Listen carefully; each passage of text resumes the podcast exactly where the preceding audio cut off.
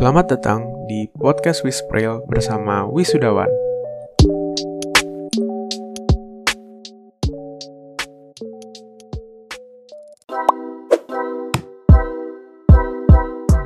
Halo teman-teman semua, selamat datang di podcast Wispril HMS ITB 2021. Sebelumnya, perkenalkan nama aku Mirna Dulestari dari Artemis 19.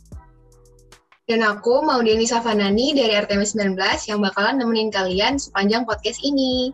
Dan selama kurang lebih 40 menit, kita bakalan stay tune dan seru-seruan bareng di podcast ini bareng Bos Bis yang ada di sini. Nah, mantap banget sih. Nah, di sini mungkin banyak yang bertanya-tanya nih, Mod. Kira-kira uh, podcast kali ini kita bakalan bahas apa sih, Mod? Nah, jadi di podcast ini kita bakal sharing-sharing bareng Bos Bis Wisudawan dan cerita baik tentang wisudanya, tentang TA-nya, dan juga banyak cerita-cerita seru lainnya nanti. Itu Mir. Waduh, wajib banget sih teman-teman pada dengerin sampai akhir. Pokoknya jangan sampai ada yang ke-skip ya. Nah, kalau gitu berarti siapa nih kira-kira yang Bos Bis yang kali ini kita undang di podcast Wispil HMS ini? Nah, nggak pakai lama-lama, langsung kita undang aja nih gestar kita. Halo Bos Bis semua, apa kabar? Baik. Halo. Halo. Baik. Oke, boleh kenalan dulu aja nih Bos Bis. Bisa kenalin dari nama sama nama panggilan dulu, terus uh, mungkin bisa ceritain dikit sekarang lagi di mana dan lagi sibuk ngapain. Urut Nima ya, Zim, Dil. Oke. Biar langsung. Oke, aku dulu. Boleh, boleh. Ya, perkenalkan. Nama aku Rafael Ivan Kristoni. Panggilannya Ivan. Eh, posisi sekarang di Surabaya sih. Sibuk ngapain sekarang? Udah kerja. Oke. Wih, keren banget Bos, udah kerja. Iya. Mantap, mantap. Oke, boleh lanjut. Eh, aku ya? Tuh lupa nih. Boleh, boleh. Oke, kenalin nama aku Tari Adila Nur Damayanti, biasa dipanggil Dila. Sekarang aku lagi di Bandung karena kemarin habis ngambil toga sama foto bareng. Eh, aku sekarang masih job seeking sih sekarang. Oke, halo Oke. Bis Dila. Oh ya, Bis Dila kalau boleh tahu asalnya dari mana ya, Bis? Dari Wonosobo. Oh, Wonosobo. Oke, oke. Boleh dilanjut? Oh ya. Oke, eh, halo semuanya. Eh, perkenalkan nama aku Hazim Ali Tajuddin, biasa dipanggil Hazim. Eh, sekarang aku masih di Bandung. Eh, habis ambil toga juga sama foto bareng sama seperti eh, Bisdila. Eh, sekarang sibukannya masih sebagai job hunter, masih mencari-cari pekerjaan. Gitu, seperti itu. Oke, oke. Mantap. Oke, salam kenal Bos Bis. Nah, sebelumnya kami ucapkan terima kasih banyak kepada Bos eh, Hazim, Bos Ivan, dan juga Miss Dila yang sudah menyempatkan waktunya nih buat hadir di sini di podcast eh, Wispril HMS ITB ngobrol-ngobrol dan mungkin nanti bakalan sharing-sharing cerita bersama kita-kita nih. Oke, mungkin langsung aku mulai aja kali ya. Eh, mungkin dari pertanyaan paling sederhana nih, Bos Bis. Gimana sih Bos Bis rasanya sekarang kalau udah wisuda, kayak setelah empat tahun kuliah di ITB, akhirnya bisa wisuda juga gitu. Gimana nih Bos Bis rasanya? Ini jawabnya gimana nih? Satu persatu kalian tunjuk atau gimana ini sebenarnya? Eh, bebas Bos, siapa yang mau jawab duluan aja deh. bebas gak jawab jawab ini nanti. Oke aku dulu. Eh, em, kalau aku rasanya udah di wisuda, apalagi kalau kondisi corona gini nggak kerasa sih sebenarnya. Kayak nggak beda sebenarnya. Mau wisuda, wisudanya kayak apa ya online, kayak nonton live streaming YouTube ya. Bakal kayak gitu deh rasanya. Atau kayak gini bahkan lewat Zoom. Kayak nggak kerasa wisuda lah. Nah kita sebenarnya dari awal akui-akui juga waktu seperti kalian kita sering ngeliatin acara wisuda arak-arakan keliling-keliling ITB itu ya gimana ya kita aku sudah dua tahun ngeliat gitu kan kayak punya mimpi juga lah nanti aku rasanya waktu wisuda kok asik juga ya. Jadi yang di barikade ya maksudnya di dalam barikade terus lucu lucu anu lah semprot semprotan keliling-keliling ITB nah kayak gitu-gitu. Nah ternyata Tuhan berkata lain kelihatannya. Jadi kita cuma bisa lewat online gini. Ya ada rasa kecewa sebenarnya. Juga aku waktu itu kan sebenarnya gimana ya? Aku cerita dulu kami ini eh, sidang cuma telat sekitar satu dua hari itu nggak bisa ikut wisokto. Nah ikutnya wispril. Nah di situ kayak aku ambil sisi positifnya lah. Ah, mungkin Apel berharap bisa wisuda offline lah. Mungkin kan enak lah kalau offline bisa ngajak orang tua lihat kampus gitu gitulah nah ternyata sama aja akhirnya. April nggak nggak offline. Gitu. Jadi rasanya sih setelah berkuliah 4 tahun di ITB nggak kerasa di wisuda lah pokoknya Ya, sayang banget nih cerita dari Bos Ivan ternyata lumayan agak sedih-sedih gitu ceritanya. Kalau dari Bos Hazim gimana Bos? Eh, ya mungkin kurang lebih sama ya sama Bos Ivan ya karena kayak udah lama gitu apa namanya udah empat tahun itu melihatin hampir sering kayak wisuda tuh seru banget karena pertama HMS kan sering banget ya apa jadi panitia wisuda atau mungkin datang ke wisudanya gitu kayak bisa jadi di dalam berikadenya bisa bersumber air juga bisa ngajak orang tua untuk mengetahui apa kayak bagaimana serunya wisuda itu seperti itu sendiri. Cuman ketika sekarang lagi uh, online gitu dan tidak bisa offline di pada umumnya gitu pada sebelum jadinya pandemi ini rasanya agak sedih sih. Kecewa iya cuman ya mau bagaimana lagi gitu. Tapi uh, overall udah bersyukur lah karena sebenarnya bisa lulus gitu. Bisa lulus dari kampus ini gitu di dari kampus ITB dari sipil ITB itu juga salah satu yang achievement yang mungkin buat semua orang tuh belum bisa gitu. Karena berkuliah di ITB jelas sulit gitu dan lulusnya juga sulit. Gitu. seperti banyak orang tuh bilang masuk ITB sulit keluar juga apalagi gitu. Jadi menurutku ya harus disyukuri lah walaupun mungkin agak sedikit banyak kayak kekecewaan karena kondisi yang terada cuman mau bagaimana lagi gitu sih Oke oke, bener juga sih Bos. Masih ada yang bisa disyukurin ya ternyata dari keadaan kayak gini. Eh, kalau Bis Dila gimana Bis ceritanya? Perasaannya setelah wisuda ini? sama sih sebenarnya sama banget sama bos Ivan sama bos Hazim Eh, cerita dikit juga dulu eh aku SMP nggak ada wisuda SMA juga wisuda tapi yang bisa hadir cuma bapak cuma ayah. Terus udah pingin banget nih nanti nanti wisuda eh, S1 di ITB gitu kan. Biasanya kan kalau eh, HMS yang paling rame kan Wisjul tuh. Rame banget udah nanti-nanti paradenya kayak gimana terus prosesi di wisuda juga di, prosesi di Sabuga. Kan kalau kata orang-orang mah masuk ITB lewat Sabuga keluar juga lewat Sabuga kan. Udah menanti-nanti tuh. Eh terus ternyata COVID. Udah terus akhirnya kita eh, waktu Wisjul tahun lalu tuh eh, HMS nggak seram yang tahun-tahun sebelumnya. Terus oh mungkin yaudah kita wisokto aja gitu. Siapa tahu rame. Udah mau udah kita ngusahain nih wisokto eh telat. Sidang satu hari itu gemes banget sih rasanya. Ah ya. Tapi juga berharap juga sih. Oh siapa tahu uh, Wispril nih kan masih setengah tahun lagi. Mungkin bisa offline nih di Sabuga gitu. Siapa tahu kan udah vaksin gitu udah ada apa isu-isu vaksin juga kan. Udah berharap eh ternyata masih online juga. Kan uh, wisuda online yang pertama juga tahun lalu waktu April kan. Ini udah pas tepat satu tahun juga masih kayak gini juga. Sebenarnya agak kecewa sih sama ITB kok uh, apa ya belum ada peningkatan yang signifikan gitu loh dalam perayaan wisuda ini. Terus sebenarnya kita berharap banyak sih sama ITB bisa uh, mengapresiasi wisudawan dengan lebih proper lah gitu. Masa ITB nggak bisa sih gitu. Cuma sekarang udah ada peningkatan sih, seenggaknya bisa ngambil toga sebelum wisuda, terus dikasih foto booth itu udah ya udah bisa disyukuri lah gitu. Kita bisa ketemu teman-teman lagi kan setelah sekian bulan nggak ketemu. Ya gitu sih. Tapi bener juga kata Hazim masih bisa disyukuri akhirnya udah lulus. Ya walaupun tanpa prosesi offline gitu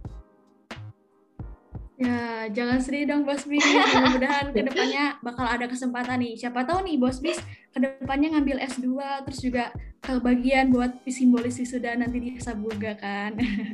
Jadi Amin, amin. tetap semangat Bos Bis, jangan sedih. oh ya, BTW nih Bos Bis, aku jadi penasaran nih pas kemarin-kemarin eh, selama TA nih Bos Bis di sini pada ambil kelompok keahlian apa aja nih? Kayak aku dulu lagi, aku struktur. Mulai Bos Ivan struktur. Oke. Bos. Kalau Bisdila deh, Bisdila apa nih? Aku ambil MRK, MRK, oh yang ini ya, manajemen rekayasa konstruksi. konstruksi. Ya, Oke. benar. Kalau Bos Hazim, Eh, kalau aku ambil yang air. air, aduh, air, aduh, paling nggak suka air sih sebenarnya Bos. Tapi kalau boleh tahu kenapa sih Bos Bis pada ambil kelompok keahlian yang tadi gitu? Ipsuk ya deal sim. Kayaknya emang udah jalannya dah. Enggak, Jalan. jadi gimana ya? Pertama-tama ingat banget nih waktu kumpul pertama kita akan tentuin mau ngambil uh, pilihan pertama apalah kita diskusi. Nah mereka bertiga ini maksudnya Dila Hazim sama satu lagi ini sama maunya MRK semua kan Iya. Favorit. gimana ya? Iya. Kayak gitu sih. Terus gini sih, mungkin masukan untuk ITB juga. Sebenarnya kayak Dila gini ya, dia ambil kayak eh, fokus ke transport. Kan dia sebenarnya mau transport nih. Nah, tapi gara-gara nggak ada kayak suatu kuesioner yang menyatakan bahwa kita misalnya ingin transport misalnya. Nah, akhirnya di random kan. Nah, ketepaannya apa? Nggak, nggak hokinya eh, di kelompok kita nggak ada yang transport. Transport. Nah, kayak gitu loh. Kan lumayan nyesek. Nah, kalau bisa sih ada kayak survei lah sebenarnya untuk ITB untuk teknik sipil lah maksudku. Hmm. Ada survei singkat lah. Kalian ini minatnya di mana gitu. Biar nggak biar nggak di- kayak gini lah nasibnya. Terus akhirnya milih-milihnya ya akhirnya janjian aja sebenarnya. Hmm. Kayak kita janjian kayak gimana, enaknya kita ambil apa, kamu ambil apa gitu. Terus akhirnya kayak gini eh, pembagiannya. Oh, berarti ini Bos Bis semua di sini sekelompok gitu ya, sekelompok TA-nya ya? Iya, betul. Kelompok. kita bertiga sama ada satu lagi. Satu lagi siapa tuh Bos? Josephine namanya. Oh. Iya. Itu kemarin Bos Bis ambil judul skripsinya apa tuh? Kita sebenarnya kan eh, kalau di teknik sipil eh, kelompoknya udah dibagi, dosen pembimbingnya udah dibagi, Iya. terus proyeknya juga udah dibagi. Hmm. Jadi sedapatnya kita proyek apa, ada proyek gedung, ada proyek eh, terminal, proyek pelabuhan, Oh. gitu-gitu. Iya. Nah, Jadi udah Oh. kita langsung ngambil pembagian aja gitu ya? Iya. Iya. Kemarin dapatnya apa tuh pembagian apa judulnya? Apa? Proyeknya ya, istilah gitu. Iya, Proyeknya. proyeknya Namanya fluid arsitektur lah gedungnya. Intinya gedung kayak multifungsi, ada bagian mall sama apartemen gitu. Hmm. Menarik. Eh, ya betul. Dan juga mau nambahin, jadi itu kalau nggak salah itu jadi eh, adalah tugas dari salah satu tugas dari eh, prodi arsitektur juga si apa TA kita. Jadi kayak mereka yang bikin arsitekturnya, nanti dia TA-nya kita yang bikin bagaimana perencanaan strukturnya seperti itu. Oh, kayak kolaborasi berarti ya sama arsitektur. Ya kurang lebih seperti itulah. Walaupun oke. sebenarnya di tahun kemarin tuh di pas kita semester apa tingkat 4 semester 7 itu juga ada satu matkul yang aku lupa namanya apa yang itu emang apa adalah hasil matkul yang kolaborasi dari beberapa jurusan di ITB. Kemarin kayak Bisdila pernah ikut ya kalau nggak salah. Iya, namanya kan kajian mandiri teknik sipil. Hmm. Kalau itu eh, sebenarnya mirip juga sih kita udah udah ada desain arsitekturnya dari prodi arsitektur juga. Terus kita desain nih, tapi nggak cuma dari teknik sipil doang, ada dari teknik mesin, teknik elektro, eh, arsitektur sama desain interior, sama teknik lingkungan juga ada. Jadi terpadu gitu ya mungkin. Oh ya, Hmm. terus juga eh, dari cerita-cerita kemarin nggak pas ngerjain tugas akhir nih dari Bos Bis sendiri ada nggak sih kendala atau kesulitan yang menghambat atau jadi kayak istilahnya aduh kesel banget sih pas ngerjain TA kayak gini gini gini boleh dong cerita cerita Bos Bis Iya, apalagi online kan bos bis Iya susah gitu koordinasinya.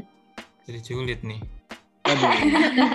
Mungkin dari segi dosen pembimbingnya apakah aman-aman saja atau gimana tuh?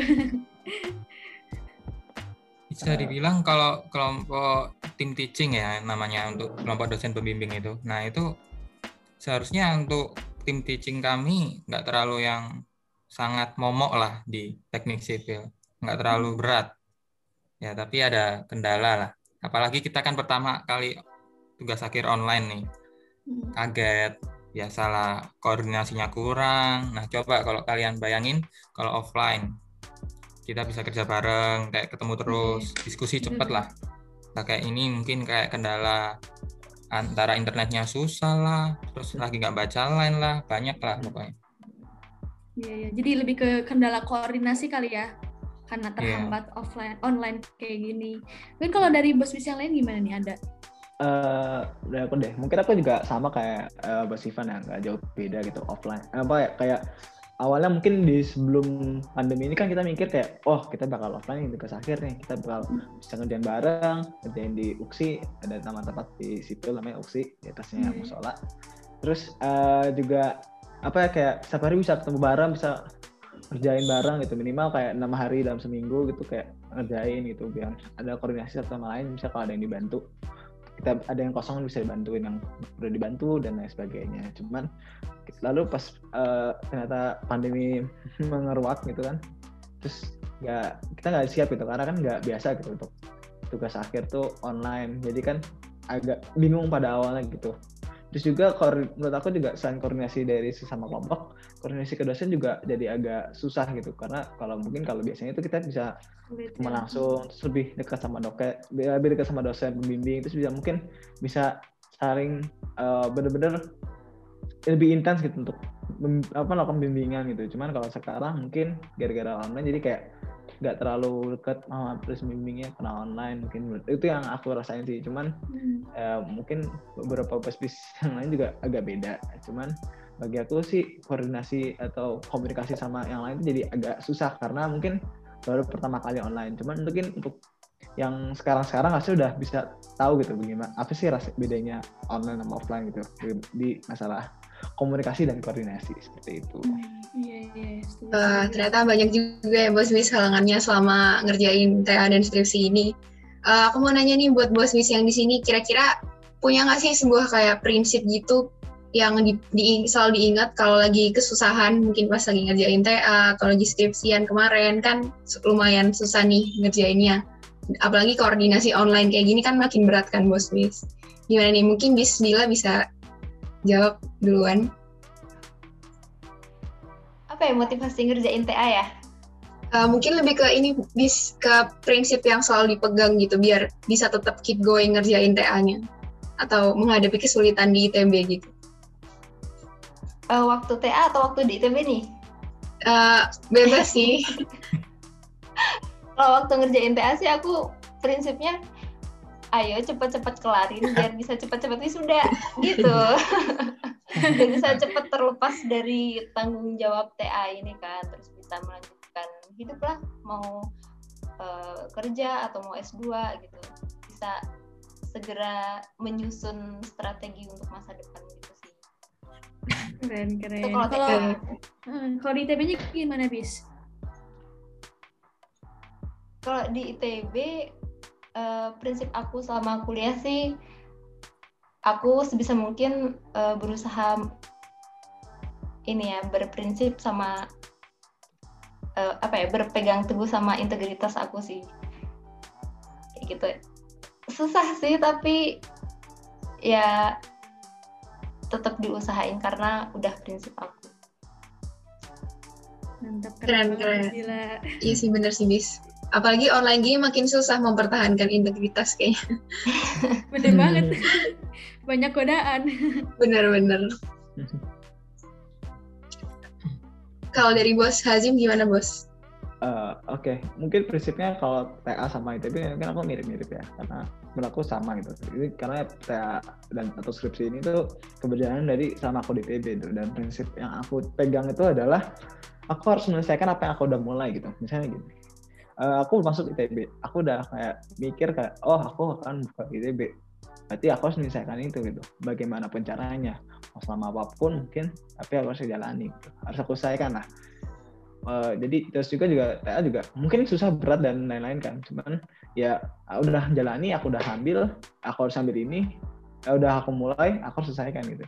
Sebisa mungkin ya selesai itu. Mungkin sama kayak Dila juga. Tapi yang intinya adalah ya kalau bisa jangan ber, ber, jangan berhenti jangan menyerah lah sampai akhir yang penting kita coba dulu dan ya harus diselesaikan gitu apa yang udah kalian mulai harus diselesaikan seperti itu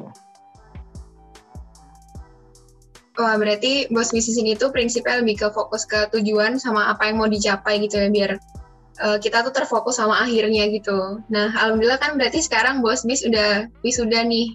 Akhirnya bisa beneran selesai dan nyampe ke garis finish. Kira-kira bos bisnis ini udah punya rencana nggak sih ke depannya mau ngapain? Uh, mungkin bos Ivan dulu nih bisa jawab. Kalau aku sih, yang pasti dulu dari sekarang sih udah nggak ada keinginan S2 memang kayak kita ini udah belajar dari mungkin playgroup ada yang playgroup ada yang TK kita setiap hari kerjanya melihat guru ya, ngajar terus ya. capek ya kalian ya ini cuma ini maksudnya ini di pikiranku aja mungkin ya, orang lain ya. beda bisa kan beda di sini makanya aku nggak mau ambil S2 udahlah pokoknya kan kita hidup ini tujuannya kalau aku ingin kayak sukses lah intinya di depan. Nah, ya berarti dari sekarang aku langsung kerja aja pokoknya. Cari cari uang lah pokoknya. Halal, yang penting halal. Tuan. Pengalaman juga ya, Bos, langsung terjun ke dunia kerja. Iya. Benar-benar. Belajarnya sambil kerja ya, Bos, berarti. Pas Bener. kerjanya belajarnya. Bener. Ini kan sekalian ngomongin juga, aku bekerja di salah satu konsultan struktur juga. Lebih hmm. kayak lebih dapat lah feel-nya. Ngerti, lebih ke gambar. Nggak cuma kayak uh, di dijelasin di di kelas gitu-gitu lebih ke, ke gambar lah waktu kerja beneran. Wah keren keren. Uh, kalau misalnya bis Dila gimana bis rencana ke depannya mau ngapain? Udah ada belum? Udah. Salah satu cita-cita aku sebenarnya aku pengen jadi dosen waktu waktu dari kecil tuh aku pengen jadi guru gitu waktu cita-cita SD kamu apa sih aku pengen jadi guru gitu terus makin gede makin gede ya udah jadilah dosen aja sekalian gitu kan tapi sebelum jadi dosen aku juga pengen uh, mencari pengalaman dulu pengalaman kerja yang uh, apa ya yang mumpuni lah yang bisa nanti bisa diajarin juga ke mahasiswa gitu. Jadi uh, mungkin rencana aku ke depan uh, setelah lulus S1 ini aku mau kerja dulu dapat pengalaman terus bener-bener apa ya nyari minat aku yang sesuai itu sebenarnya di mana gitu. Sebenarnya udah ada minat sekarang tapi aku pengen ngebuktiin gitu loh nanti kalau di dunia kerja tuh beneran kayak yang aku bayangin nggak sih kayak gitu. Baru setelah nanti kerja beberapa tahun ya melanjutkan S2 karena kan untuk jadi dosen uh, setahu aku nggak nggak kalau S1 aja nggak bisa gitu kan. Itu sih habis dari kerja S2 terus mungkin nanti ya kerja lagi baru jadi dosen gitu hmm, paham paham jadi kalau dilihat-lihat kebanyakan rencananya pasti pengen cari pengalaman dulu ya uh, di dunia ya. kerja teknik sipilnya. Karena emang bener banget sih bos bis pengalaman itu adalah pembelajaran paling baik gitu buat kita belajar gitu. Bener-bener. Bener banget kan. Nah. Males belajar di kelas lagi lama-lama. Iya bener banget. pengalaman tuh pembelajaran yang paling asik mungkin ya kalau bisa kita bilang Nah, terus juga ngomong-ngomong iya. tentang yeah. pembelajaran gitu ya, atau pelajaran hidup nih. Selama Bos Bis setelah 4 tahun nih kuliah di ITB, pasti banyak banget kan pelajaran hidup atau pelajaran berharga yang uh, Bos Bis terima dan juga mungkin diingat-ingat sampai sekarang. Pengen tahu nih Bos Bis mungkin dari Bos Bis sendiri, apa aja sih pembelajaran yang paling berharga, pelajaran hidup lah mungkin ya, selama 4 tahun kuliah di ITB ini. Nah, mungkin boleh dari Bos Hazim nih, kira-kira gimana? Wah, pertanyaannya cukup berat sekali nih. Karena pertanyaan adalah uh, apa tadi uh, apa pelajaran hidup ya? Pelajaran hidup ya, bos. Wah, sebenarnya dari prinsip yang aku pegang itu juga satu pelajaran hidup gitu. Di mana kalau tadi aku bilangnya aku sel- aku selalu mengakhiri apa yang aku udah mulai dan itu menurutku Hmm. pelajaran juga kan dan ada satu lagi sih yang aku ini berguna banget buat di suatu organisasi atau organisasi atau suatu perusahaan atau meeting yang seperti yang sejenisnya gitu nah itu Hmm. adalah jangan tanya apa yang eh, kalian jangan tanya apa yang telah mereka kata eh, mereka eh, berikan kepada kamu tapi tanyakan apa yang udah kamu berikan kepada mereka gitu. Atau mungkin ini kalau dulu siapa ya? Aku lupa ya siapa yang apa memper- mempopulerkan istilah ini. Entah apa ya dari Amerika aku lupa. Jadi ya ketika apa namanya kalau menurutku sih kan aku ikut beberapa organisasi kan ya. Salah satunya adalah HMS gitu HMS ITB ketika itu kok aku menggunakan prinsip ini gitu. jangan tanya apa yang HMS uh, berikan kepada saya tapi apa yang telah saya berikan kepada HMS gitu. Jadi ya mungkin itu menurutku prinsip yang bisa jadi pilihan hidup di mana kita jangan jangan selalu minta atau berharap kayak dia ngasih apa sih ke aku? gitu. Apa sih yang dia kasih ke aku? Tapi tanyain kira-kira kamu udah ngasih apa sih ke orang lain udah ngasih apa sih yang eh, yang maksudnya bermanfaat bagi orang lain gitu jadi menurutku itu prinsip yang sangat bagus dan harus aku pegang dan dan aku berharap bisa terus aku gunakan sampai masa depannya nanti ke depannya seperti itu Oke oke benar banget. Oh ya btw tadi juga lupa ya nanya ke Bos Hazim kalau misalnya rencana ke depannya tadi Bos Hazim sendiri mau lanjut kuliah atau gimana nih tadi? Eh, aku saat ini ambil nyari-nyari kerja kan cuman eh, mungkin juga sambil nyari S2 jadi kayak aku Hmm. udah sambil dua-duanya gitu sekarang eh, mulai mencoba-coba nyari kerja karena udah dari lulus dari Hmm. lama tadi udah sempet di apa mention juga jadi ya ya udah selama ini udah mulai nyari-nyari kerja cuman kalau nggak dapet ya sambil nyari S2 juga siapa tahu bisa melanjutkan pendidikan ke jenjang selanjutnya gitu karena jujur sebenarnya aku juga agak capek juga Hmm. untuk belajar terus Iya. kan cuman tapi sekarang kayak kok Hmm. kayaknya lebih menyenangkan gitu karena kayak aku cukup agak menyesal gitu di mungkin di yang sebelumnya itu kayak terlalu banyak permainan jadi kayak fokus belajar terlalu kurang tapi sekarang malah ada keinginan untuk belajar lagi tuh kayak mulai ada lah seperti itu Akademisi Red, mantap. Oke tunggu lagi ya gitu. motivasi belajarnya. lebih ke apa namanya kayak kalau nggak ada kerjaan lagi nih ya udah belajar aja deh gitu kayak hal-hal kecil tapi agak remeh sih cuman ya sebisa mungkin lah dapat satu pembelajaran lah gitu Ah iya paham. Ya, Jadi mungkin mana yang tercepat dapat mungkin ya bos. Kayak eh, kalau misalnya ada peluang kuliah dulu nih ya udah hajar aja gitu ya. Atau peluang kerja dulu ya udah hajar aja gitu ya bos. ya seperti itulah Hmm oke oke. Nah tadi udah dari bos Hazim nih tentang pelajaran hidup yang udah diambil selama 4 tahun dari bos eh, Ivan mungkin boleh cerita nih. Kalau pelajaran hidup ya lebih ke gini sih. Kalau waktu SMA dulu kerjaanku itu habis habis kelas pulang, kelas pulang, kelas pulang tanpa ada organisasi emang.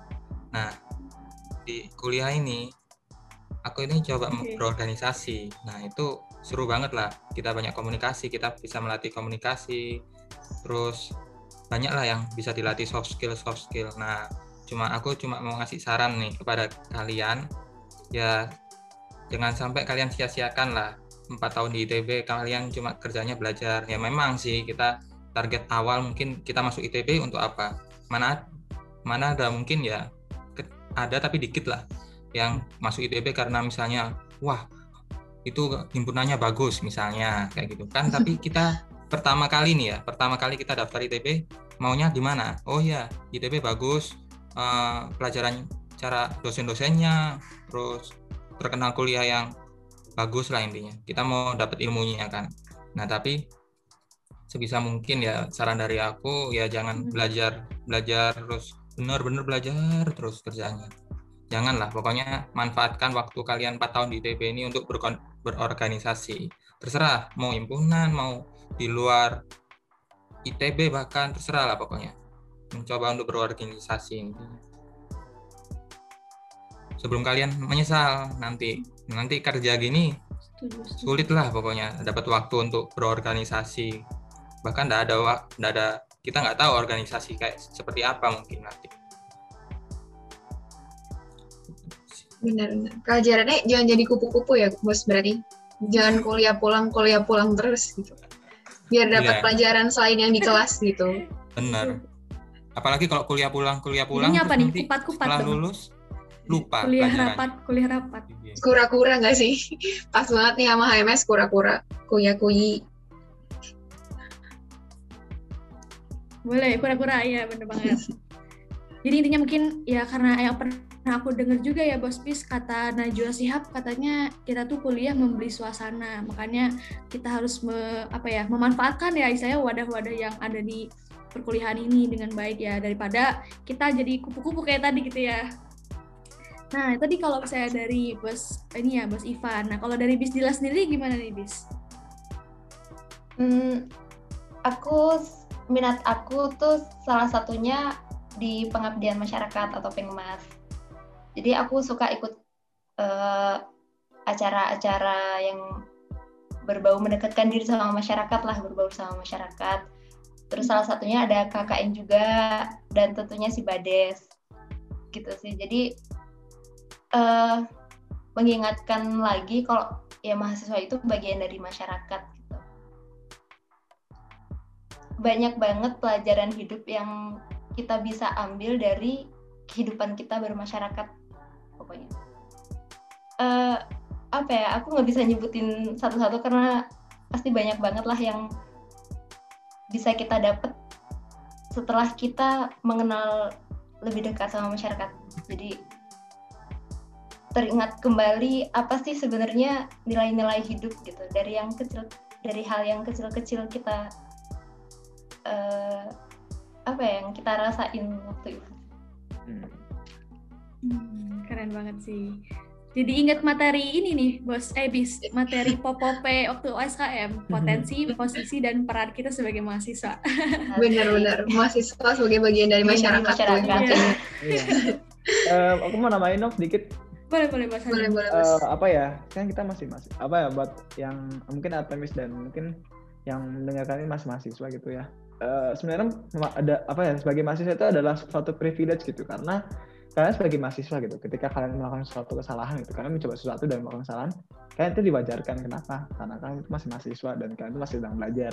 Ketika kalian sudah tidak jadi mahasiswa kesempatan untuk privilege untuk melakukan kesalahan itu udah nggak banyak dan sangat sedikit sekali gitu. Jadi jadi kalau setiap kalau kalian jadi mas, eh, masih menjadi mahasiswa sekarang ya pergunakanlah eh, kesempatan itu untuk melakukan kesalahan dan belajar tuh sebanyak banyaknya gitu. Karena aku udah melakukan banyak kesalahan dan cukup belajar di ITB ya sama apa sama kuliah dan menurutku tuh masih kurang gitu karena mungkin masih banyak lagi yang menurutku masih kayak bisa digali lagi gitu cuman karena saya sudah mau lulus jadi ya menurut aku tuh privilege yang sebagai mahasiswa tuh harus kalian coba eh, laku, eh, gunakan lah sebaik-baiknya seperti itu. Bener banget nih bos. Jadi kayak se- menyentuh kesalahan itu juga salah satu proses belajar yang perlu kita rasain nih, mumpung kita masih punya banyak waktu. Sip sip. Nah jadi kan tadi kita udah ngomongin yang serius-serius nih tentang wisuda, tentang TA, terus tentang masa depan. Sekarang kita kayak mau seru-seruan dikit nih. Kira-kira kita mau ngapain sih Mir? Nah, baru banget sih. Kita bakalan seru-seruan nih, Bos Bis. Nah, jadi kita tuh di sini sebenarnya udah ngumpulin info nih tentang fun fact-fun fact-nya Bos Ivan, Bos Hazim, dan juga Bis Dila. Nah, mungkin biar kita lebih kenal dikit ya, kita gali-gali dan korek-korek dikit lah kisah-kisah atau mungkin cerita di balik fun fact-fun fact yang bakal kita bahas nih. Oh my god. mungkin langsung aja, Muat. Oke, pertama nih aku dengar-dengar cerita katanya Bismillah itu eh, orang yang selalu santai walaupun lagi panik. Nah, bener nggak sih itu, Bis? Kata orang. Keren banget, santai. Gimana, Bis? Udah kelihatan sih sebenarnya, Bis. apa nih kelihatannya dari mana? Kalem gitu loh, Bis, pembawaannya. Iya, kelihatan pembawaannya kalem gitu, Bis. Iya sih, aku sebenarnya eh sebenarnya ya panik-panik aja gitu, tapi panik di dalam hati terus ya berusaha di manage aja biar kita bawa santai, ayo kerjain satu-satu pasti kelar. Tapi jeleknya nih kalau terlalu santai ya itu deadlineer. Hmm. Eh, aku mau namain boleh nggak soal Dila nih? Karena eh, beberapa semester terakhir tuh aku pernah eh, apa kerja kerja kelompok sama Dila. Gimana Bos Hazim? Jadi apa pernah kerja kelompok sama Dila? Heeh. Kan kerja kelompok pasti ada tugasnya kan, dan waktu itu ada tugas besar. Tugas besar itu pasti punya deadline kan. Nah, ya Bismillah ini nyantai banget dan saking santainya adalah kayak eh Dil, ini udah mau beres deadline. Ya udah santai, ntar juga ala-ala juga nggak apa-apa gitu. Tapi ini jangan ditiru ya, karena kita sudah misalnya sebelum deadline gitu. Cuman Hmm. kita kayak ya santai, santai. Aduh mepet Tapi akhirnya selesaikan bos. tapi akhirnya terselesaikan. Cuman ya itu aja jadi kayak oh dia seperti ini gitu aja. Kita tahu aja Ah, gitu. sorry ya Jim. It's okay. Ini aku lucu kalau aja gitu. kalau eh, di apa ya teman sekelas aku eh apa ya aku partner sipil aku sih namanya Ninda jadi emang kita kita berdua tuh eh, sering banget lah ngerjain tugas bareng nugas bareng juga Hmm. ya gitu kita dua-duanya deadlineer tapi Ninda tuh orangnya panik gitu kan Eh, gimana Iya, ini iya. belum ini belum ini belum gitu kan terus ya aku kan sebisa mungkin kalau dua-duanya panik kan nggak jadi kan nggak Menetralkan Iya, gitu ya, iya, iya jadi tenang ayo kita kerja kerjain Iya. susah panik Keren banget. Saling melengkapi lah. Yang panik sama yang santuy gitu. Akhirnya selesai juga tapi tugasnya. Cocok lah, bisa menenangkan berarti. Boleh dong, Bis, eh, Bis Dila kasih tipsnya nih, gimana sih caranya biar nggak panikan? apa ya mungkin karena sebenarnya pembawaan aku juga udah santai mungkin ini ya perlu belajar sedikit bodo amat gitu Hmm, ada bukunya tuh, Bis. Iya. tapi aku belum baca sebenarnya aku baru mau baca Ah, nggak usah deh habis berarti kayaknya. Udah udah cukup mumpuni nih santainya tanpa baca buku iya, bener juga. banget. Udah pembawaan ya, emang gitu ya. gitu sih jadi ya bodo amat tapi ada ada batasnya juga lah Hmm, setuju, setuju. Oke, tadi Bistari nih ya. Intinya tuh Bistari itu terkenal kesantuyannya. Mungkin tadi ada sedikit berbahayanya ya, Bis, tadi kalau misalnya ada deadline gitu. iya Ah, mantap, oh kalau mantap. kalau misalnya bukan eh, apa yang aku tetap santai tapi tetap bisa terlaksanakan yang bi- yang bisa bikin aku apa ya tetap terkendali banget karena itu kerjaan kelompok gitu aku punya tanggung Hmm. jawab yang bisa eh, mempengaruhi teman-teman kelompok aku gitu jadi Oh iya, iya. gitu jadi ya tetap harus terlaksana Oh iya, paham, paham. Keren banget Benar-benar santuy tapi nggak boleh lupa tanggung jawabnya. Iya, iya, bener banget. Nah, Oke. terus by the way nih, kita kita pindah dikit ke sebelahnya. Ah, ada Bos Hazim nih, katanya nih ya. Dengar-dengar Bos Hazim tuh katanya jago banget stand up-nya, tapi nggak pernah juara. Mungkin gimana tuh Bos Hazim? Boleh siapa tahu mau stand up komedi di sini? Eh, eh, sebenarnya lebih ke ini sih dulu pernah di SMA pernah ikut stand up itu ada kompetisi stand up terus ya eh, nggak punya dasar dan yang penting bisa bawa lucu aja jadi ya gitu aja sih jadi ya nggak juara gara-gara itu sih karena apa namanya ya nggak ada persiapannya kurang aja cuman apa ya kayak tapi sisi komedi saya dari aku tuh kayak ya ada tipis ada lah tipis-tipis gitu cuman tapi kayaknya biasa aja sih kayaknya nggak nggak spesial amat gitu. Oh, jadi dari SMA Bos pernah ikutan lomba gitu ya, lomba stand up-nya? iya pernah. Lebih tepatnya kayak dulu kayak ada perwakilan kelasnya cuman Oh, eh, nggak ada ya udah suruh aku, aku yang disuruh maju gitu. tapi ya ya udahlah pengalaman tapi di kuliah nggak pernah lagi sih karena agak traumatis menurut aku waduh, trauma kenapa tuh? ya, Bikin apa apa ya, tuh, Mas? mungkin ya agak kurang kan karena ya jadi lucunya kurang terus kayak ah kayak kayak ini bukan jalanku deh kayak ya udahlah kayak waktu itu cuma buat seru-seruan aja gitu Siapa tahu Bos Hazim tertarik ikutan audisi ini, Suci, Suci. ya nggak udah nggak tertarik lagi soalnya Traumatis bahkan katanya tadi. iya cuman ya lucu aja gitu Tapi kayaknya emang Bos Hazim ini pembawanya lucu juga sih, kayak kalau tadi Bisdila kan pembawanya santai. Kalau Bos Hazim ini kelihatannya juga kelihat ada aura-aura komedinya ya. ya mungkin seperti itulah ya Oke, selain fun fact itu, aku juga denger-denger nih bos, katanya bos Hazim tuh orangnya pelor banget, jadi kayak bisa tidur di mana aja, bener nggak sih bos? Cukup kayak Hamtaro, tapi iya sih. Maksudnya apa ya kalau cari eh, aku ya ini buruknya aku ya adalah ketika eh, kuliah mungkin kayak mungkin kalau udah mulai agak bosan udah tiba-tiba ya lewat aja gitu kayak tidur gitu. Ya sepeler tuh nggak terlalu juga sih kalau misalnya lagi tuh berlebihan aku justru nggak sepelor itu jadi kayak ya mungkin itu buruk sih cuman itu udah dari lama dan ternyata kuliah bawa kayak oh my ya gitu aja sih ya, ya buruk lah itu jangan ditiru ya buat teman-teman yang lain Siap, Bos. Oke, oke. Sekarang kita geser lagi nih ke bos Ivan. Aku dengar-dengar katanya bos Ivan nih jago nge-rap, bos. Bener nggak sih, bos? Waduh, Bos, Oh, gimana gitu. tuh? Dan itu bercanda itu yang ngasih tahu. Coba tahu mau nge-rap di sini, Bos, boleh. Gak bisa nge-rap beneran. Waduh, tapi kok bisa tersebar info-info kayak gitu ya, bos? Ya dulu pernah nyoba-nyoba kan namanya juga orang nganggur ya di kos. Ini kelihatannya temanku satu kosan yang ngomong.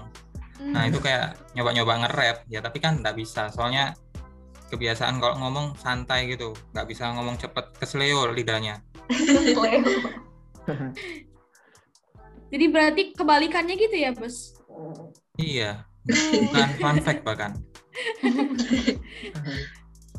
Oke, tenang. Masih ada fun fact lagi, bos. Katanya bos Ivan ini dijulukin manusia TC, bos. Atau manusia traffic counting.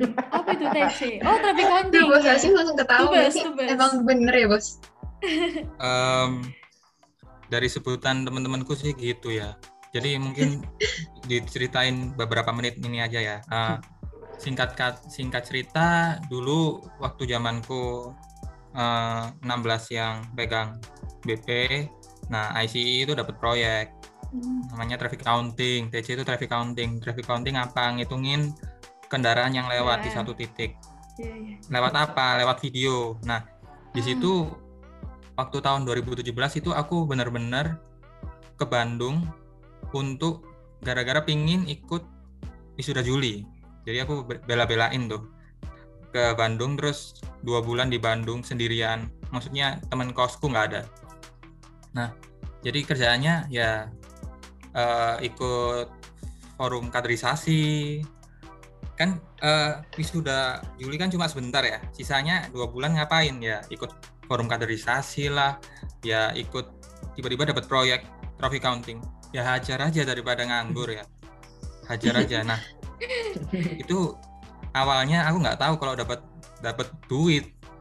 Jadi aku kerja ya gara-gara pure ya nolongin temen lah. Maksudnya yang yang megang ICI biar ICI dapat duit untuk jalanin acaranya. Nah ternyata dapat persenan. Bahkan terakhir-terakhir Wah, mantap. 100% bahkan katanya. Waduh, Wah, beruntung banget. Lumayan tuh. Iya, lumayan. Nggak lumayan lagi untuk mahasiswa udah gila sih. Lumayan, udah di atas lumayan menurutku. Iya, kerjanya ngeliatin video terus nanti ngepaus ngepaus ada berapa motor berapa Hmm. truk berapa mobil gitu nanti ada dat- dimasukin Excel gitu total berapa jam gitu ratus jam lupa aku. Hmm. Waduh, lama banget ya. Pantesan Bisa sampai disebut. bisa dipercepat tapi kan video kan jadi Iya, bisa iya. dipercepat gitu ya tapi tetap lumayan lah Wah, Pantesan nih. keren keren. Boleh lah Bos Ivan nanti kalau misalnya ada yang info-info kayak gitu sharing-sharing. Lumayan juga tuh kayaknya. Manusia TC. Lucu juga. Saya juga dapat tugas ngitung kayak gituan juga sih, bos. TC gitu. Iya. Tapi kayak empat jam aja udah bikin pusing gitu. Bosen liatnya. Gimana Hmm. ini kayaknya lama banget. ada ada step tahapnya pertama memang kita apaan sih ini? Nggak jelas. Beberapa jam awal. Lama-lama karena kita kayak ya daripada nganggur kita punya prinsip daripada nganggur mending nece akhirnya lama-lama jadi kebiasaan. Daripada ganggu Bener. akhirnya daripada jadi gabut. kebiasaan ya biasa aja akhirnya. Orang lain lihat wah kamu kok nece terus? Nggak bosan ya? Enggak nih biasa. Daripada nganggur lihat YouTube ya. Mending nece. Iya bener-bener. Ini TC dapat uang ya kan, bos. Bahkan di awal-awal Bermanfaat. itu anu aku punya prinsipnya ya bukan uang dulu tengah-tengah deh rasanya baru tahu atau berapa gitu pokoknya bantu temen lah baik emang tujuan awalnya ternyata diberikan lebih ya gimana ya masa ditolak ya Keren, keren. Daripada gabut, mending TC. Iya. nah Quotes of the day tuh biasa nih. Buat ini motivasi para pejuang ini tubes-tubes reklalin. Tunggu rekalin. Bener, Mir. Menarik banget sih tadi kita udah bahas-bahas tentang fun fact fun fact-nya Bos Bis terus juga wah pokoknya banyak banget cerita-cerita yang ternyata di balik Bos Bis ini menarik banget sih buat kita eh, pelajari dan juga mungkin ke depannya juga bisa jadi pembelajaran ya buat pengalaman-pengalamannya. Iya bener banget nih Mir. Tapi kita bakal lebih kenal Bos Bis lagi di segmen terakhir nih. Kita mau ngapain ya kira-kira? Wah, ngapain tuh kira-kira mau? Jadi penasaran nih. Nah, penasaran kan ya? Makanya kita lanjut aja nih ke segmen selanjutnya. Oke, jadi di segmen sekarang ini eh, mungkin selama Bos Bis eh, berkuliah di ITB nih pasti banyak banget nih orang-orang yang udah sempat dijumpai oleh Bos Bis dan mungkin di antaranya juga eh, menurut Bos Bis bisa jadi berkesan atau mungkin dijadikan orang terfavorit gitu menurut Bos Bis. Nah jadi di sini aku mau nanya nih eh, dari Bos Bis sendiri ada nggak sih orang yang membuat Bos Bis itu sangat terinspirasi gitu? Mungkin dari orang-orang di sekitar ITB boleh dosen atau boleh satpam atau boleh mungkin tukang pedagang atau lain-lainnya gitu lah.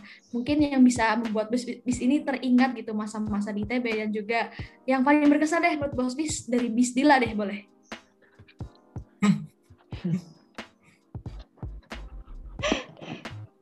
Kalau yang paling berkesan sih sebenarnya salah satu dosen aku. Aku dua semester eh, dua matkul yang berbeda sama beliau di kelas beliau. Beliau ini apa ya ngajarnya tuh enak, jelas, terus eh, peduli banget sama mahasiswanya.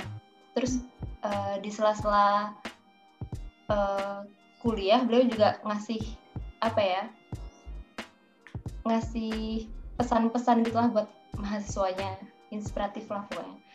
Terus karena beliau saking pedulinya sama mahasiswa beliau tuh di setiap semester bakal eh, ngasih nilai T buat beberapa mahasiswa yang yang nilainya bisa apa ya di di perbatasan gitu loh. Ah, jadi Iya. beliau bakal ngasih kesempatan kita buat eh, dapetin indeks yang lebih baik gitu. Jadi, tapi kita harus ngebuktiin ke beliau gitu. Jadi kayak eh, caranya tuh kayak ujian lisan gitu. Nah, Hmm. itu kan sebenarnya bikin deg-degan gitu loh ujian Iya, ujian iya. lisan. Terus aku sebenarnya aku orangnya nggak nggak nggak jago ngomong lisan kayak gini. Aku lebih suka tulisan gitu. Ya paham. tulis tapi harus ngejelasin di depan dosen sama teman-teman banyak.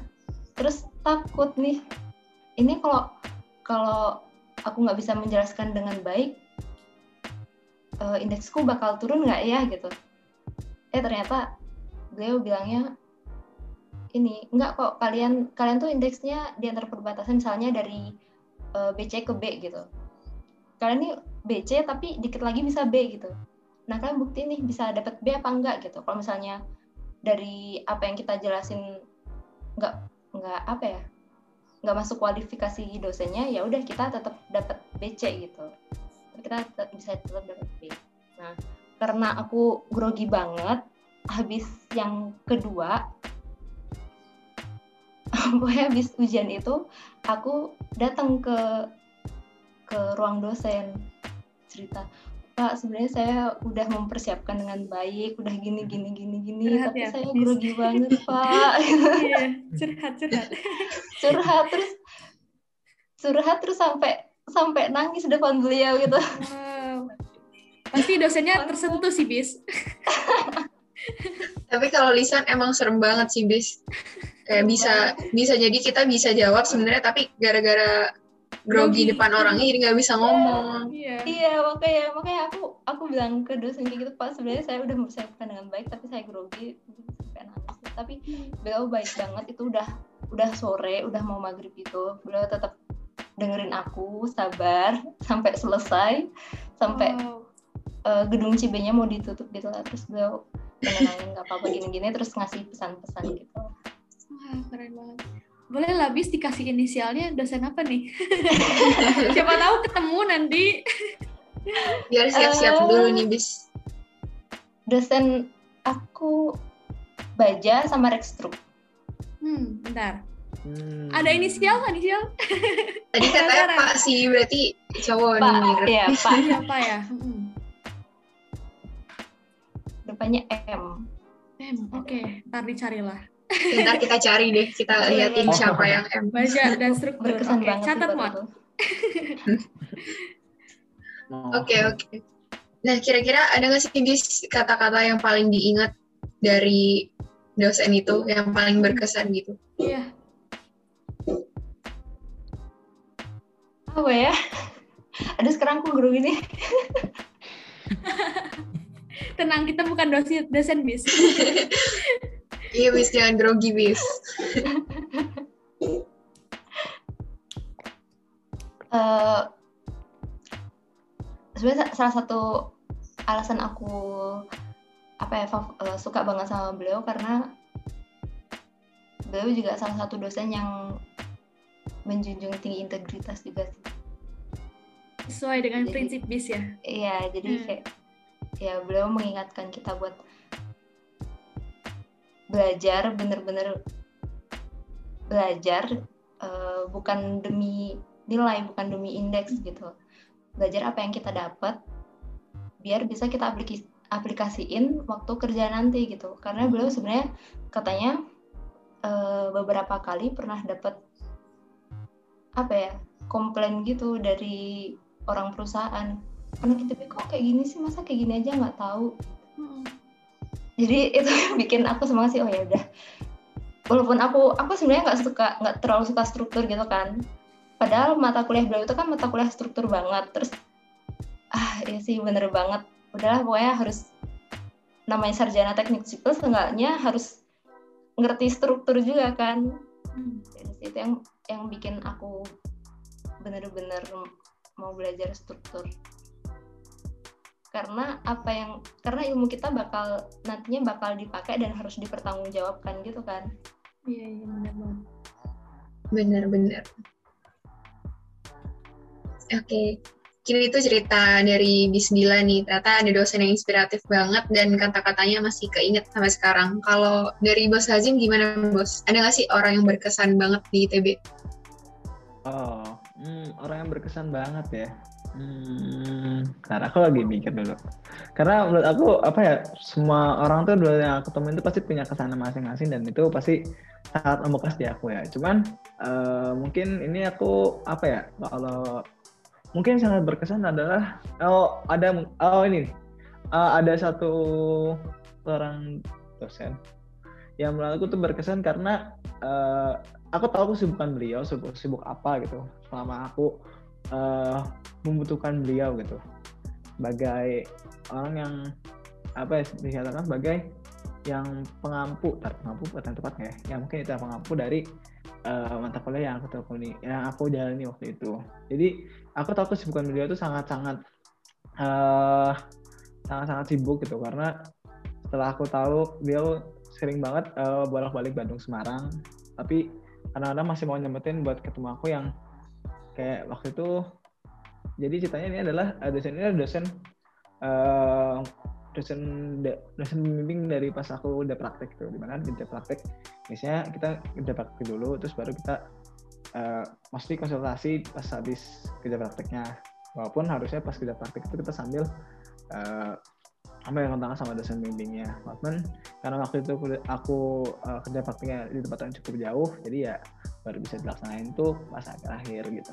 Dan aku lebih inspirasinya adalah karena dia begitu apa ya eh, ya mau gitu apa eh, apa lebih inspirasi kayak bikin kayak eh, bener-bener eh, apa ya istilahnya ya mungkin eh, bener-bener kayak mengusahakan yang terbaik lah gitu untuk semua orang gitu karena waktu itu eh, di minggu-minggu terakhir buat kerja apa buat sidang kerja praktek atau mata kuliah kerja praktek itu itu kayak aku eh, dosen aku ini dosen bimbingku ini dipasangin sama dosen lain gitu dan dosen ini sangat waktunya sangat susah dan strict gitu dan susah dihubungi. Cuman beliau benar-benar sampai benar-benar nyempetin tanggal dan sampai uh, sampai komunikasi sama uh, dosen pembimbing lainnya dan itu yang kayak wow ternyata dia benar-benar sepeduli aku itu sama aku dan uh, dan teman kelompok uh, aku dan jadinya uh, lebih lebih menginspirasi karena benar-benar uh, berusaha untuk usaha yang terbaik dan itu bikin aku kayak oh aku kalau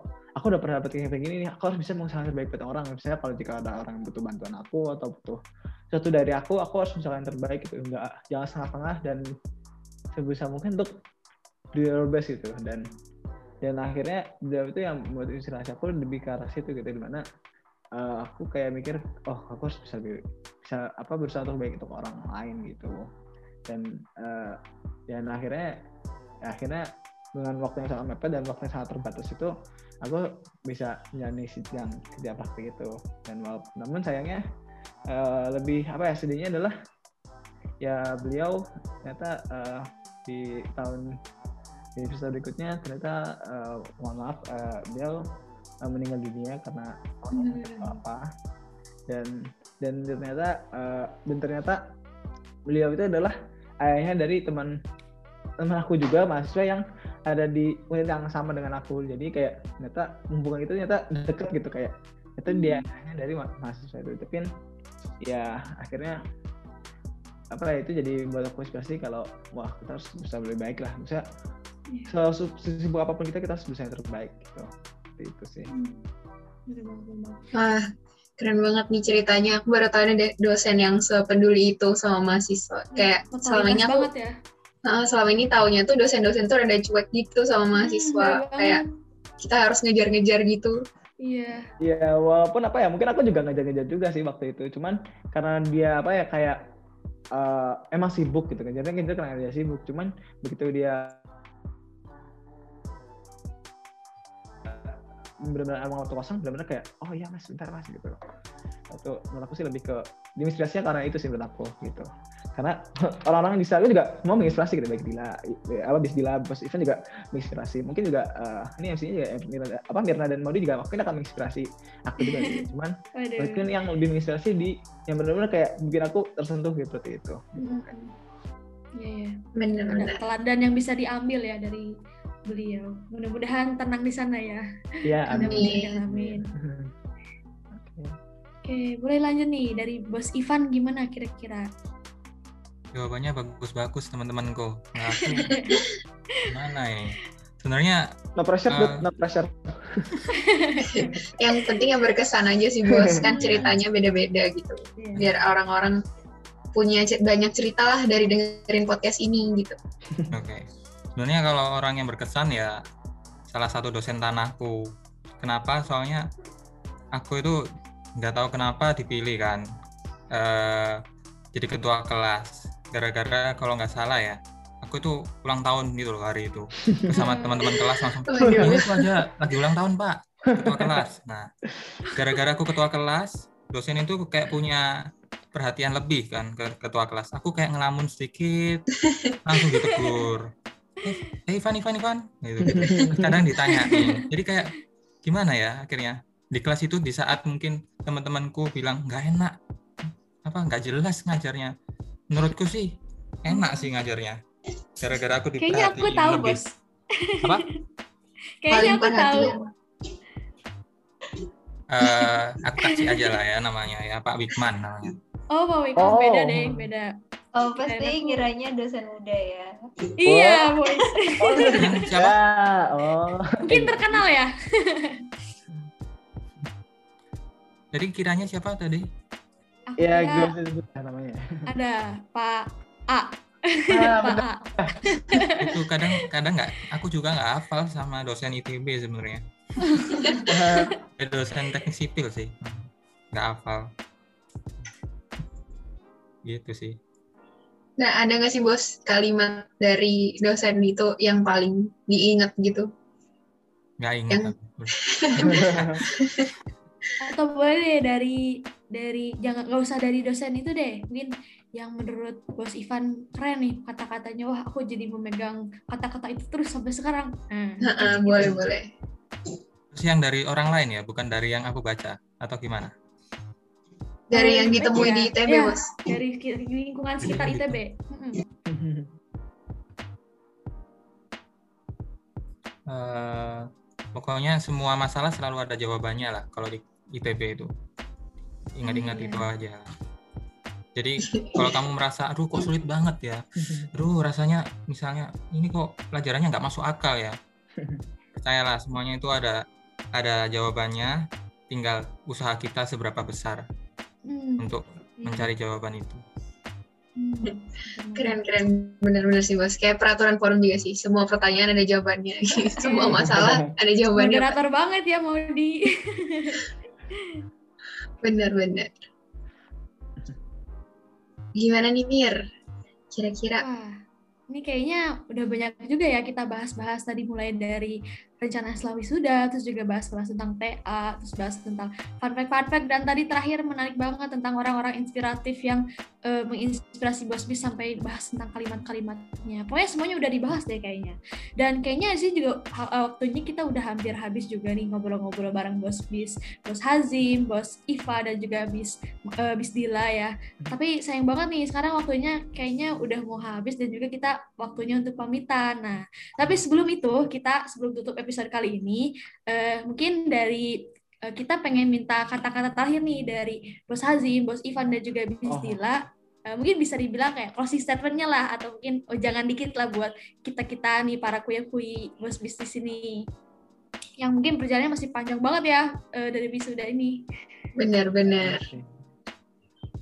Gimana? Mungkin dari eh, Bos Ivan deh tadi. Biar lanjut. oke. Sambil mikir itu si Azim sama Dila ya. Mikir bener. Apa ya? Ah, ya. Oke.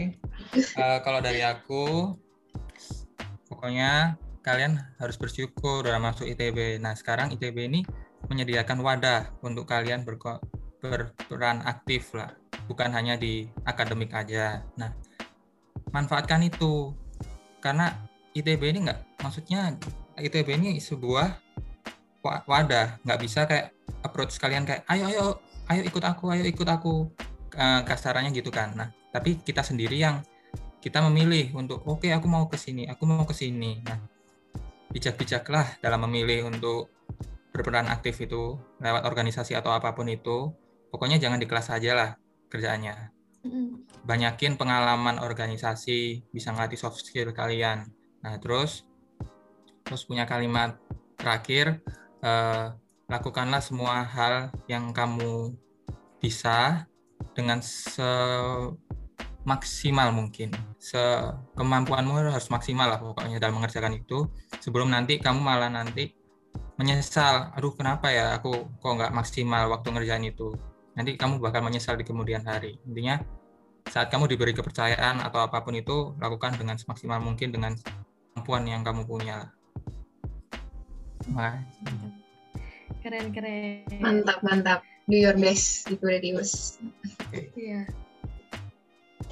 Oke, tadi kan dari Bos Ivan kayak gitu nih. Kira-kira dari Bis Dila gimana Bis? Udah nggak Bis? Mau jangan-jangan buat kuya-kuyinya.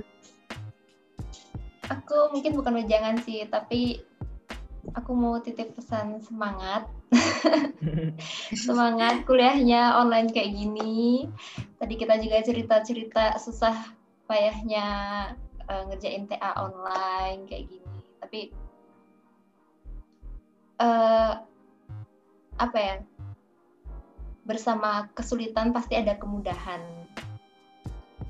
Di masa-masa pandemi kayak gini, kuliah online emang susah, tapi cobalah jangan fokus sama sama susahnya itu, jangan apa ya, jangan ngeluh-ngeluh terus. gitu. Carilah hal-hal yang eh, positif yang bisa kita syukuri, bisa kita ambil hikmahnya. Kalau aku nih waktu TA, ya emang susah koordinasi salah satunya. Tapi enaknya waktu seminar proposal, seminar proge sama sidang online juga. Jadi kalau buat aku sih aku jadi nggak terlalu grogi banget gitu karena nggak ketemu langsung banget kan. Itu lebih enak sih kalau kalau eh, sidang online kayak gitu. Nah, coba kalian cari hal-hal yang bisa eh, bikin kalian semangat kuliah online. dan semoga pandemi ini berakhir Amin. bisa kembali ke kampus berkegiatan Amin, ketemu orang-orang yang menginspirasi juga di ITB semangat semangat Oke. Terima kasih Miss Dila. Mungkin itu lebih ke semangat ya buat kita-kita para kuya-kuyi yang masih berjuang nanti. Oke, mungkin terakhir nih dari Bos Hazi. Mungkin boleh Bos ojangannya sambil di stand upin. Enggak please jangan, jangan karena Oke, oke. eh apa ya mungkin aku apa ya rangkum dari udah yang semua yang udah aku ceritakan kali sebelumnya ya jadi mungkin bedanya adalah eh mungkin untuk kalian-kalian yang masih kuliah atau buat Artemis juga ya MS19 yang masih kuliah atau mungkin yang mendengarkan ini eh mungkin itu adalah hmm, yang jangan tanya apa yang kampus ITB ini berikan pada kamu tapi tanyakan apa yang sudah kamu berikan pada kampus ITB ini. Karena setiap pertanyaan di kampus ITB ini pasti ada jawabannya. Dan misalkan kalian harus uh, misalkan apa yang sudah kalian mulai. Karena di ITB memang memang berat di ITB cuman ya sekali lagi gitu.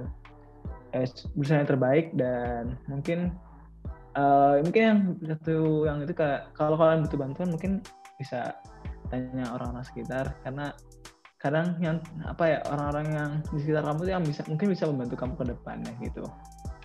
Itu aduh bingung kata-katanya apa lagi. Mungkin itu aja sih mungkin. Oke. Oke, makasih bos buat pesan-pesannya.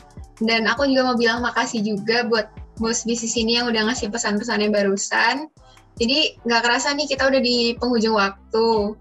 Eh, aku mau bilang kalau misalnya podcast barusan ini bisa bi- bisa ngasih banyak banget pelajaran buat kita yang dengerin gitu. Dari cerita bos bis yang inspiratif tadi juga dan pesan-pesan yang barusan dikasih. Dan aku mau ngucapin juga sekali lagi selamat wisuda ya buat bos bis, buat bos Hazim, bos Ivan sama bis Dila akhirnya udah bisa wisuda. Dan semoga podcast ini bisa bermanfaat buat kuya-kuya yang dengerin. Dan mungkin itu aja sih penutup dari aku. Makasih ya bos sudah ngeluarin waktunya. Dan eh, di akhir kata aku mau di Dan aku Miri Lestari, pamit undur diri sampai ketemu di podcast selanjutnya. Oh ya, dan jangan lupa follow Instagram Wisuda HMS ITB dan semangat nomor satu. Selamat nomor satu. Dadah. kasih Terima kasih sudah mendengarkan podcast Wispril bersama Wisudawan episode kali ini. Jangan lupa untuk dengerin episode yang lainnya juga ya.